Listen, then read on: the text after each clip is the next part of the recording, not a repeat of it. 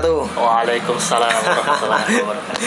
Oke, ketemu lagi bareng aku Dimas Fazli di podcast Different Box episode kedua ini ya. Jadi uh, kali ini aku mau bahas tentang tren fenomena kesehatan ya kan ya mungkin yang lulu semua ya kan banyak Iya, iya. ngelihat kayak fenomena orang tuh anak-anak muda udah mulai pada nge-gym sekarang udah anak-anak muda yang cewek-cewek udah pada nge-zumba ya Iya. kan, udah pada lari pagi lah lari sore bersepeda udah pada naik semua tuh daun kan bahkan ada tren apa fasting ya kan? OCD lah segala macamnya. Melihat melihat semua itu kan?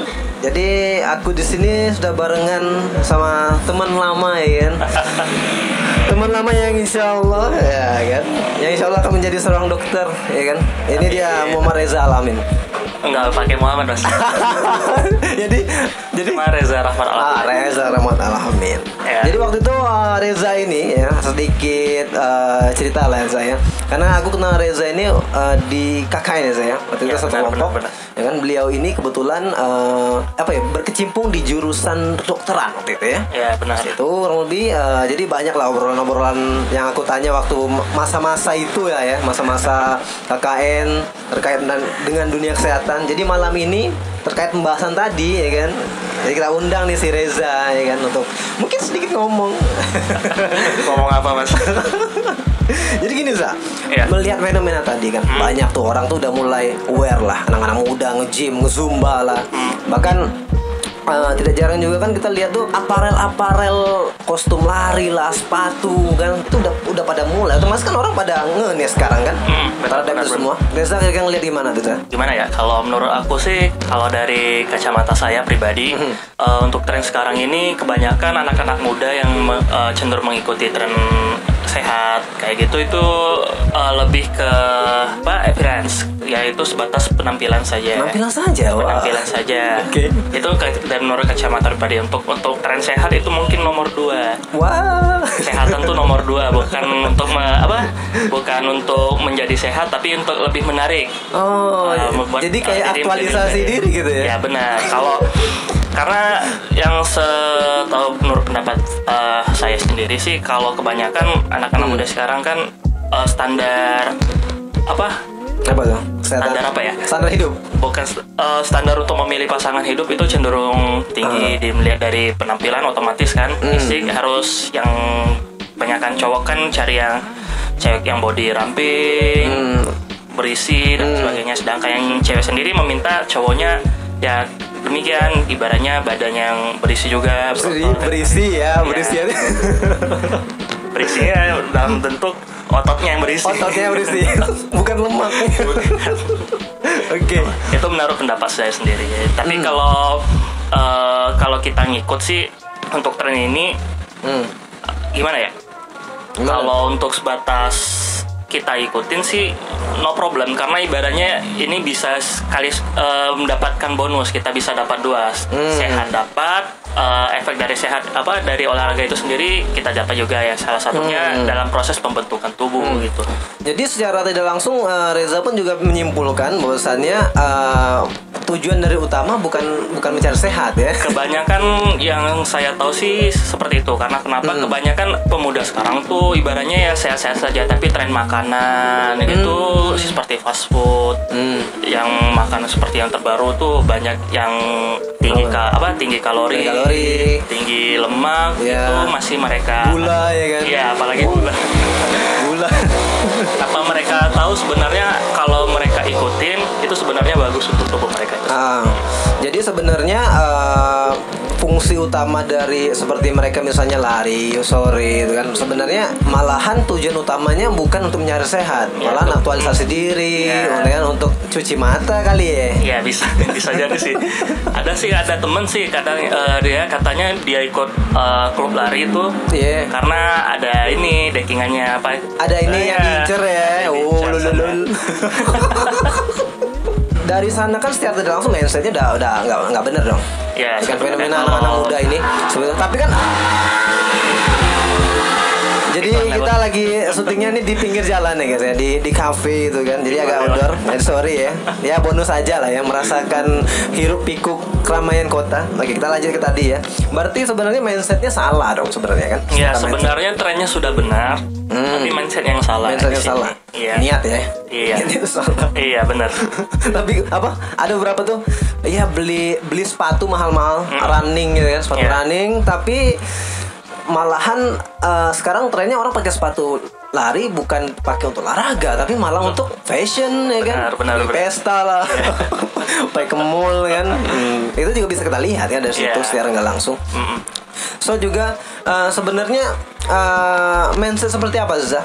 Yang semestinya ya biar nggak kayak yang kita omongin tadi itu kan. Sebenarnya kita sepakat nih, saya juga merasa demikian. sebenarnya sebenarnya eh, mindset seperti apa sih yang semes- semestinya sama anak-anak muda ini bujang-bujang gadis-gadis ini Iya. kan harusnya eh, lebih apa ya menghargai hidupnya dengan olahraga itu semestinya mindsetnya seperti apa? Oke, kalau eh, dari saya sendiri sih kalau untuk tren-tren yang kayak gitu sebenarnya mindsetnya utamanya harus sehat. Hmm. Tubuh harus sehat eh, karena kenapa? Seperti yang kita ketahuin faktanya ya Mas ya, Hmm. eh, dari risetnya sendiri ada penelitiannya sendiri kalau di Indonesia sendiri itu eh, tren penyakit menular sama penya- eh, penyakit yang tidak menular itu sama-sama tinggi. Oke, yang oke. penyakit menular kan sudah kita ketahui kayak demam berdarah, Oke, malaria ah. dan sebagainya. Hmm. Sedangkan penyakit yang tidak menular seperti stroke, Diabetes. diabetes, terus darah tinggi Uh-huh. itu sama-sama tinggi. Di mana Hmm. untuk uh, ne- untuk menjadi negara maju biasanya kasus yang sering temui itu adalah penyakit yang tidak menular lebih tinggi Hmm. daripada penyakit menular. Sedangkan di Indonesia karena mengalami sedang mengalami perkembangan Hmm. itu penyakit yang menular sama yang tidak menular itu sama-sama tinggi. sama-sama ya. Tapi berarti fenomenanya pada saat masa-masa dulu ya, mungkin katakanlah mungkin zaman-zaman kita SD kali ya. Ya. Nah, itu kayaknya eh, diabetes tuh belum ini ya, belum belum lumrah kayak sekarang kali Iya ya. benar benar. Ya kan? Bahkan kayaknya orang tuh ada tuh masih mu- ma- masih bujang, tapi udah diabetes dia kan. Iya. Karena nggak jaga pola makan ya kan. Ya, salah satunya karena itu perlu kita ketahui kalau untuk uh, diabetes sendiri itu sebenarnya terbagi dua, Mas. Ah, ada ada. yang tipe 1 sama tipe 2. Di mana Oke. kalau tipe 1 sendiri biasanya itu karena bawaan dari Oh, dari- turunan. Ya, turunan. Hmm. Dan untuk tipe 2 itu biasanya karena pola hidup. Hmm. Dan ibaratnya eh, dan untuk tipe 2 itu sendiri faktor keturunan itu berperan penting. Hmm. Dalam kata eh, berperan pentingnya bukan dia menciptakan eh, kencing manis itu, Hmm. tetapi dia menjadi faktor resiko. Resiko berarti Iya. ke- kemungkinan resiko dia besar gitu Besar. untuk kena seperti itu Iya. ya. Oh, Oke, ya otomatis kalau masalah eh, stroke ya kan, Mm-mm. diabetes, apa biasanya penyakit ini ya apa namanya? Tidak menular. Menular itu kan, itu jatuhnya eh, lebih ke karena dianya sendiri kan, ke personalnya orang itu sendiri kan. Mungkin Iya. pola hidupnya tidak benar ya kan, tidak menjaga pola makan itu kan, Sum- apa ya nggak diatur lah, misalnya ngemilnya kapan ya kan. Mungkin Ya, ya, benar, seperti benar. ini apa ini? Sudah tersedia snack Sudah kita. yang sangat sehat sekali Oke luar biasa. Tapi eh, secara tidak langsung kan itu udah jadi Udah jadi apa ya? Udah jadi penyakit yang tren juga pada saat Iya, sekarang benar, kan? benar. Mungkin Reza bisa kasih tips nggak kira-kira Apa sih yang harus dilakukan Dengan hal-hal kecil apa gitu kan? Pola-pola hidup kecil apa sih istilahnya Yang mungkin bisa mengurangi resiko ini gitu kan? Karena kita tadi berangkat dari orang-orang yang Istilahnya berangkat melalui tren ya kan? Ya. Akhirnya salah niat ya kan? Mm-mm. Ujung-ujungnya jadi fashion lah, jadi cuci mata lah, ya kan? Ujung-ujungnya bisa jadi dari situ dia tidak memahami esensi kesehatan yang benar benar. gitu kan? Ya, benarnya gimana? Otomatis, Ya bisa jadi kan orang-orang seperti itu yang akan di masa depan akan sakit inilah Hmm. sakit yang tidak menular itu. Kira-kira apa saja? Pola-pola hidup seperti apa saja? Yang istilahnya murah tapi bisa berdampak luar biasa untuk kesehatan. Murah ya. Hmm. Ya murah nggak harus mesti ada effort lebih kan. Iya, iya. Kalau dari saya sih yang pertama dari minumnya dulu ya. Minumnya. Ya, kalau ini, ini ini sehat nggak ini? sehat ya. Minum tuh kalau anjurannya sih minumnya air putih. Air putih ya. Air putih dalam sehari itu minimal 2 liter. 2 liter. Mungkin selama ini kan banyak kita itu mencomokan kan Iya. apa sih harus minum air 2 liter. Hmm, lebay kali lah. Ya, lebay kan. Baik, eh, tapi sebenarnya eh, esensi dari minuman eh, minum air putih minimal 2 liter sehari itu itu sangat berpenting dalam tubuh kita karena kenapa? Eh, salah satu faktornya karena ke- kesehatan ginjal. Karena ginjal ya. Iya, ginjal itu sendiri kan tiap hari kan bekerja terus menerus, memfiltrasi, menyaring semua uh, sisa-sisa makanan. Makanan. Nah, kalau kita mengalami dehidrasi atau kekurangan cairan itu sendiri, Hmm. otomatis uh, fungsi ginjal akan terganggu Hmm. karena uh, darah itu akan menjadi kental karena ke- ke- kekurangan cairan. itu Oh sendiri. gitu ya. Itu baru satu mas, banyak lagi oke. seperti kulit, dan kulit. Uh, orang yang dehidrasi, kekurangan cairan itu kulitnya cenderung kering. Kering dalam artian seperti apa tuh? Ya ibaratnya nggak kencang gitu, nggak Kendor ya. iya, Oh, kendor. kendor, Oh, gitu terus ya. kasar, Kasar, Iya. nggak halus ya. Iya. Tapi kalau yang hobi nyuci gimana? itu kan karena terpapar faktor kimia. Iya. Ini kan untuk diminum bukan Iya, diluasin. oke. dari makanan sih. Makanan. Ya banyak orang tuh kan kalau masalah makanan tuh kan ke diet ya. Dia. Dia mengatur regulasi diet. Sebenarnya untuk faktor regulasi diet itu sendiri atau pengaturan diet itu sendiri sebenarnya eh, kunci dari diet itu kan untuk men- kalau diet untuk menurunkan berat badan Hmm. itu kuncinya eh, di mana kalori yang dikeluarkan itu harus lebih di harus lebih dari yang kalori yang kita Dimasukkan. masukkan.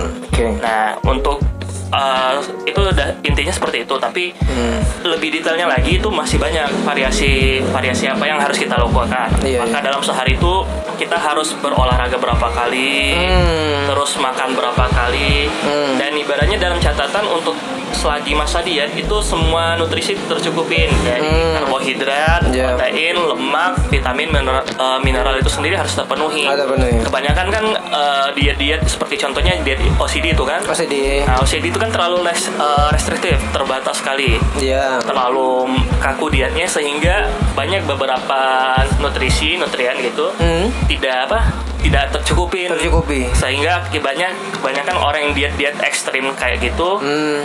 ke depannya sakit, Sakit, bisa ya? jadi sakit mah gitu Hmm. kadang dia mudah lemah Hmm. pengen tidur terus itu karena ada beberapa uh, apa Faktor. faktor nutrisi itu yang kurang Hmm. itu sendiri kalau dari saya kalau makan tuh ya makan seperti biasa Jadi apa yang dimasukkan harus sesuai dengan apa yang kita keluarkan, Iya, apa yang kita benar. bakar kan. Iya. Ya, namanya makanan. Ah ini nih, ini salah satu apa ya yang kita petik juga dari Babang Reza ini kan. Jadi ba- ya bayangkan aja sih makanan itu apa ya kayak bahan bakar lah ya kan. Iya, bahan benar, bakar yang istilahnya ini tuh mesti dibakar ya kan. Iya. Ya kan ini misalnya satu masuk pempek gitu kan. Pempek satu ya kan. Iya. Atau gorengan satu tuh kan. Nasi ya dua centong ya kan. Itu kan udah berapa kalori gitu kan. Otomatis juga mesti dibakar dengan gerak ya. Ya benar. Dengan olahraga dan Olahraga, semacamnya. gerak. Sebenarnya kalau tanpa kita bergerak sendiri, eh, tanpa bergerak sebenarnya udah ada kalori yang keluar namanya kal- eh, kalori basal. Oh, iya, basal. Oh, Di mana oke. kalori basal tuh rata eh, perhitungannya tuh 20 kilokalori kali berat badan. berat badan. Ya, Oh. misalnya berat badan kita 50, berarti 20 kali 50 berarti sudah 1000. Sudah 1000. Iya. Nah, akan tetapi eh, karena Gangguan. gangguan Oke. Nah, kan tetapi banyak orang tuh tidak menyadari yang sebenarnya eh, berapa kalori sih yang sudah mereka keluarkan dan beberapa kalori yang sudah mereka masukkan. Ah, jadi itu apa ya uh, awareness orang terhadap Iya. apa yang dia makan seberapa Iya. banyak itu juga uh, mesti dipikirin ya kan. Dan tidak hanya harus berapa dari kuantitas, tapi kualitas itu Kualitas sendiri. sendiri, ya. Misalnya dia masukkan karbohidrat berapa, Hmm. terus protein berapa, Hmm. lemaknya berapa gitu. Makanan udah, minum Nah, udah, sudah. terus, uh, Terus istirahat. istirahat. Iya, istirahat uh, dalam kata sal- salah satunya dari tidur.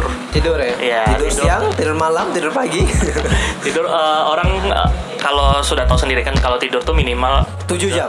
7 jam. Bener ya? Iya, bener. Bener ya. Nebak aja deh. 7 jam, oke. Iya, minimal 7 jam 7 sih. jam Nah, yang ibaratnya tidur jam 7 jam itu harus berkualitas. berkualitas. Ya. Deep sleep lah ya, Iya, istilahnya benar. ya. Kadang-kadang kadang-kadang tuh ada beberapa orang tidur tidur ayam tuh sih maksudnya. Iya. tidur ayam tuh kan. Jadi kayak kayak tidur tidur waspada gitu loh Iya. kan itu malahan sebenarnya nggak baik ya sebenarnya. Orang Iya. yang pu- ada tuh beberapa orang tuh yang punya kebiasaan tidur tidur ayam tidur tidur yang misalnya nggak nggak deep sleep lah ya. Nggak nggak berkualitas. Jadi, muntah karena memang dia itu selalu waspada atau memang orang-orang itu punya kebiasaan seperti itu kan kan ada juga beberapa orang tuh yang insomnia ya kan Kayak benar, gitu. benar. bisa nggak sih insomnia tuh dipengaruhi oleh makanan sebenarnya ada nggak Eh, insomnia itu, itu sendiri eh, ada tiga ya mas ya sebenarnya. wah ini nih apa nih Eh, ada yang early, middle, sama late. Hmm. Mana kalau biasanya early itu memang salah satunya adalah faktor gaya hidup. Oke. Sedangkan untuk middle sama late itu kebanyakan karena faktor depresi. Infeksi Depresi. oh depresi depresi Iya. depresi dalam artian mungkin bawaan masalah hidup Ya, ya masalah hidup akhirnya terlalu banyak beban pikiran, Ah, akhirnya kan? yang membuatnya sering terbangun. Jadi- Kalau early itu biasanya yang kita tahu kan dia susah untuk mulai tidur. hmm Kalau middle sama kalau middle itu dia tidur, Hmm. terus terbangun, ya terus susah tidur lagi terus bisa bisa tidur lagi. bisa tidur lagi Ya tidur bangun tidur bangun Oh. siklusnya. Tapi kalau untuk led dia tidur terus bangun tapi Ah. nggak ini lagi Nggak- nggak bisa tidur nggak lagi. bisa tidur lagi. itu apa left tadi Iya led. led Iya led. led artinya telat Iya benar led. Oke kayaknya saya led kayaknya Biasanya karena fak- eh, dominan karena disebabkan karena faktor depresif. depresi ya Iya. mungkin banyak pikiran Iya, juga stres. ya. stres dan sebagainya macamnya tuh dengerin tuh oke pola tidur sudah makanan sudah minum Sudah. lanjutnya apa lagi saya kira Tadi eh, manajemen stres. Manajemen stres oke seperti apa tuh Zah? Eh, kalau namanya makhluk hidup ya, nah, apalagi manusia itu tiap hari pasti ada ini, pasti ada yang namanya stresor. Ya, ada masalah Baik, ya. eh, dari stres dari pekerjaan, stres di rumah tangga, stres dengan teman sendiri, kadang stres dengan sendiri sendiri bisa jadi. Nah, karena yang namanya manusia akan mengalami hal seperti itu, maka pentingnya dilakukan manajemen stres. Nah, manajemen stres ini masih eh, tiap orang kan berbeda-beda. Iya. Misal dia cenderung prefer, misalnya dia bebas pengen meredakan stresnya dengan bernyanyi, Bernyanyi. gitu. Iya. Oh, itu ya, Pak. Ada yang pengen traveling gitu, Piknik ya, liburan piknik gitu. ya. Itu sebenarnya eh, hal yang lumrah, yang Hmm. wajar, wajar kita lakukan demi itu karena kita mendapatkan stresor yang kalau kita tumpuk terus menerus Hmm. itu akan menjadi beban pikiran. Bukan pikiran ya Dan uh, fakta uh, fakta yang menarik itu ada beberapa penyakit yang bisa ditimbulkan karena stresor itu sendiri. Apa tuh? Seperti contoh uh, ada yang namanya psikosomatik sama somatisasi. oke apa itu Yang kalau soma, uh, psikosomatik uh, faktor faktor psikis psikis itu bisa memperparah suatu penyakit. Jadi kalau misalnya uh, mungkin apalah contoh misalnya penyakit apa terus kena psikisnya jadi makin parah. Ya. Oke. Terus ada yang namanya somatisasi. Somatis, somatis. Eh, ya, somatisasi. Oke, itu? Nah, faktor psikis lah yang membuat penyakit itu. Faktor psikis yang membuat itu. Sebagai Iya. contoh, Zah. Sebagai contoh kalau untuk psikosomatis ada kasus orang mah nih. Mahal, Iya, mah. ya. Kan eh, asam lambung itu juga bisa ditingkatkan karena stresor. Hmm. Kita stres itu asam lambung bisa tinggi. Nah, pada orang-orang yang sakit mah Hmm. itu psikosomat eh, karena psikosomatik dia akan eh, menjadi ini menjadi lebih sering terkena mah kambuh mahnya. Oh, Padahal sudah pola makan sudah dijaga. benar ya. Nah, tidurnya juga udah benar gitu kan. Pantang-pantangan makanan Pantangan, yang iya. sudah dia Jaga lah. jaga tapi karena manajemen stresnya kurang baik akhirnya dia kambuh Hmm. Nah untuk somatisasi sendiri eh, contohnya dia sebenarnya nggak sakit badannya Hmm. tapi karena psikisnya yang bermain misalnya saya akan sakit jantung misalnya saya, saya sakit sakit kepala Sugesti lah ya. iya itu akhirnya dia mer- merasakan gejala-gejala seperti itu Hmm. Padahal setelah diperiksa dia tidak mengalami demikian. Demikian ya. Oke, berarti pentingnya kita untuk menjaga Iya. apa ya mood kayak gitulah ya. Iya. Uh, mental Iya. mental health lah. mental health lagi. Sehat itu harus uh, luar dalam. Oh, iya, Jangan luar ya. saja tapi dalam enggak. Jangan dalam saja yang baik tapi luar yang enggak baik. eh, hatinya juga ya. Ya, dalamnya. hatinya juga. Oke. Ada lagi mungkin selain itu? Apa lagi ya? Kalau dari saya sih poin-poin itu kayaknya cukup deh. Ah, satu lagi. Apa itu? Misalnya kayak gini. Kalau sakit itu jangan kita jadi dokter sendiri ya. Maksudnya gimana lagi? Maksudnya kayak gini, misalnya kita ngalamin sakit ini A, B, C. Ah, oke. Tapi karena sekarang nggak apa zaman teknologi sudah maju, Hmm. akhirnya mereka Google Google sendiri nih. Oh, Cari jadi tahu kayak penyakitnya apa. Ah. Akhirnya ya dengan kan biasanya di Google tuh lengkap nih penyakitnya Penyakit apa, ini, obatnya apa. Akhirnya mereka salah membeli obat, padahal peny- eh, penyakitnya itu bukan itu yang mereka Hmm. eh, apa yang mereka Derita. derita, bukan penyakit lain tapi memiliki gejala yang sama Iya, dengan sama. penyakit yang ini. Oh, berarti kayak misalnya uh, mendiagnosa ya Iya, dari kalau sebuah penyakit sendiri. itu. Ibaratnya kita ketahui harus tahu batasan sendiri. Gak apa-apa kalau mau Google sendiri nggak apa-apa, tapi kita nggak boleh apa mengobati diri kita sendiri. Oh, berarti ego harus, juga ya? Iya, Ego. harus harus berobat ke ahlinya. Hmm. Contoh misalnya kan kebanyakan kasus sekarang kami yang ha- yang kami hadapi resistensi antibiotik itu tinggi mas. Di, Oke. di mana antibiotik tersebut itu tidak mampu lagi menangani kuman tertentu. Kuman di tubuh maksudnya? Iya misalnya kayak contoh eh, sakit tipes nih. Tibas, ya oke. Nah antibiotik seperti amoxicillin itu Hmm. sekarang sudah eh, efektivitasnya sudah menurun karena resistensi tadi terhadap kuman typhoid, tadi. Karena Oh. kebanyakan kan sekarang kan orang tiap dikit sakit beli beli obat dan seringnya kebanyakan beli antibiotik sembarang. Eh, beli antibiotik sembarang, akhirnya eh, pemakaiannya tidak teratur. Setelah sembuh Hmm. Udah. langsung nggak nggak minum Ya, lagi, nah. akhirnya ya kuman tersebut beradaptasi dengan antibiotik. Berarti Sudah malahan jadi jadi resistensi resistensi. kebal Ah, kumannya. Gitu ya. Nah, Jadi- terus patuhi juga, misalnya kalau sudah berobat, patuhin perintah dokter. Misal per- perintah dokternya habiskan obat ini, kita habiskan. Sekian lah ya. Jangan mentang eh, kita sudah sembuh, Hmm, tapi nggak tiba-tiba eh, langsung ya, ini lah. ya. berhentikan obatnya saja. Padahal siapa tahu obat yang disuruh habiskan itu salah satunya Hmm, antibiotik. biar totally lah ya Iya. istilahnya. Hmm. Oh, jadi eh, resistensinya sekarang tinggi juga. tinggi juga ya Kalau kuman sebenarnya semuanya awalnya sensitif terhadap antibiotik. antibiotik ya. akan tetapi karena manusianya sendiri misalnya tidak patuh terhadap pengobatan atau putus di tengah jalan akhirnya kuman tersebut ke- eh, kebal terhadap antibiotik tersebut karena mengalami proses adaptasi Itulah ya mungkin Ya. dari pendapat si Reza mungkin yang bisa kita terapkan lah ya. Mungkin bisa kita pahami juga ya kan pola hidup sehat itu ternyata tidak dari luar saja tapi dari dalam juga.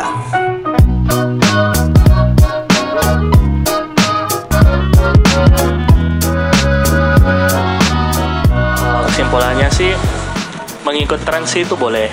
Oke. tapi jangan lupa esensinya. Esensinya, esensi misalnya kita mengikuti tren sehat esensinya adalah kita sehat. Bukan untuk mencari uh, perbaikan diri uh, pembentukan tubuh dan sebagainya. Hmm. memang itu uh, ikutin jalannya aja dengan esensi tersebut esensi sehat maka poin-poin bonus tersebut akan kita dapatkan baik itu dari segi fisik maupun dari segi mental itu sendiri Oke. Terus uh, untuk pola hidup, mulailah uh, untuk belajar tentang pola hidup sehat yang gimana. Mungkin yang saya paparkan tadi masih sedikit banget. Basic lah ya. Ya basic basic saja. Tapi Padahal kan- masih banyak itu pola-pola hidup tergantung individu masing-masing. Dia pengen menerapkan yang gimana. Kan nggak sama. Ibaratnya individu ini harus polanya ini ini ini. ini. Hmm. Manusia itu kan unik. Unik. Eh, ya, unik, Yeah. beragam, beragam Oke. kepribadiannya. Oke. Nah, kalau kita terlalu menerapkan pola hidup yang terlalu kaku, Salah juga. Iya, salah juga. Salah juga ya. Jadi juga Eh, mesti eh, lebih disimbangin. sering eh, disimbangin, terus lebih sering cari-cari lagi informasi bagaimana pola hidup sehat. Lebih lebih pentingnya memahami diri lah ya. Iya, memahami diri, Maunya gitu. eh, kenalin batasan, karena ibaratnya kan yang saya sebutkan tadi kasus eh, resistensi kuman, terus Hmm. efektivitas obat juga berkurang itu eh, salah satunya itu diakibatkan karena eh, para penderita itu yang tidak taat Tidak taat eh, terhadap obat. obat Makin ini aja kan, eh, makin parah aja. terus kumannya sudah eh, beradaptasi akhirnya kebal Hmm. terhadap obat tersebut Itu yang bisa jadi ke kanker kali ya. Eh, kalau kanker sih banyak sih pak salah satunya kan karena faktor hidup pola hidup sih Pola hidup ya? iya Aduh, saya nggak bisa menyalahkan sama satu faktor karena yang namanya kanker itu multifaktorial Multifaktorial ya. iya banyak faktor yang berperan penting Coba kasih satu kunci Reza.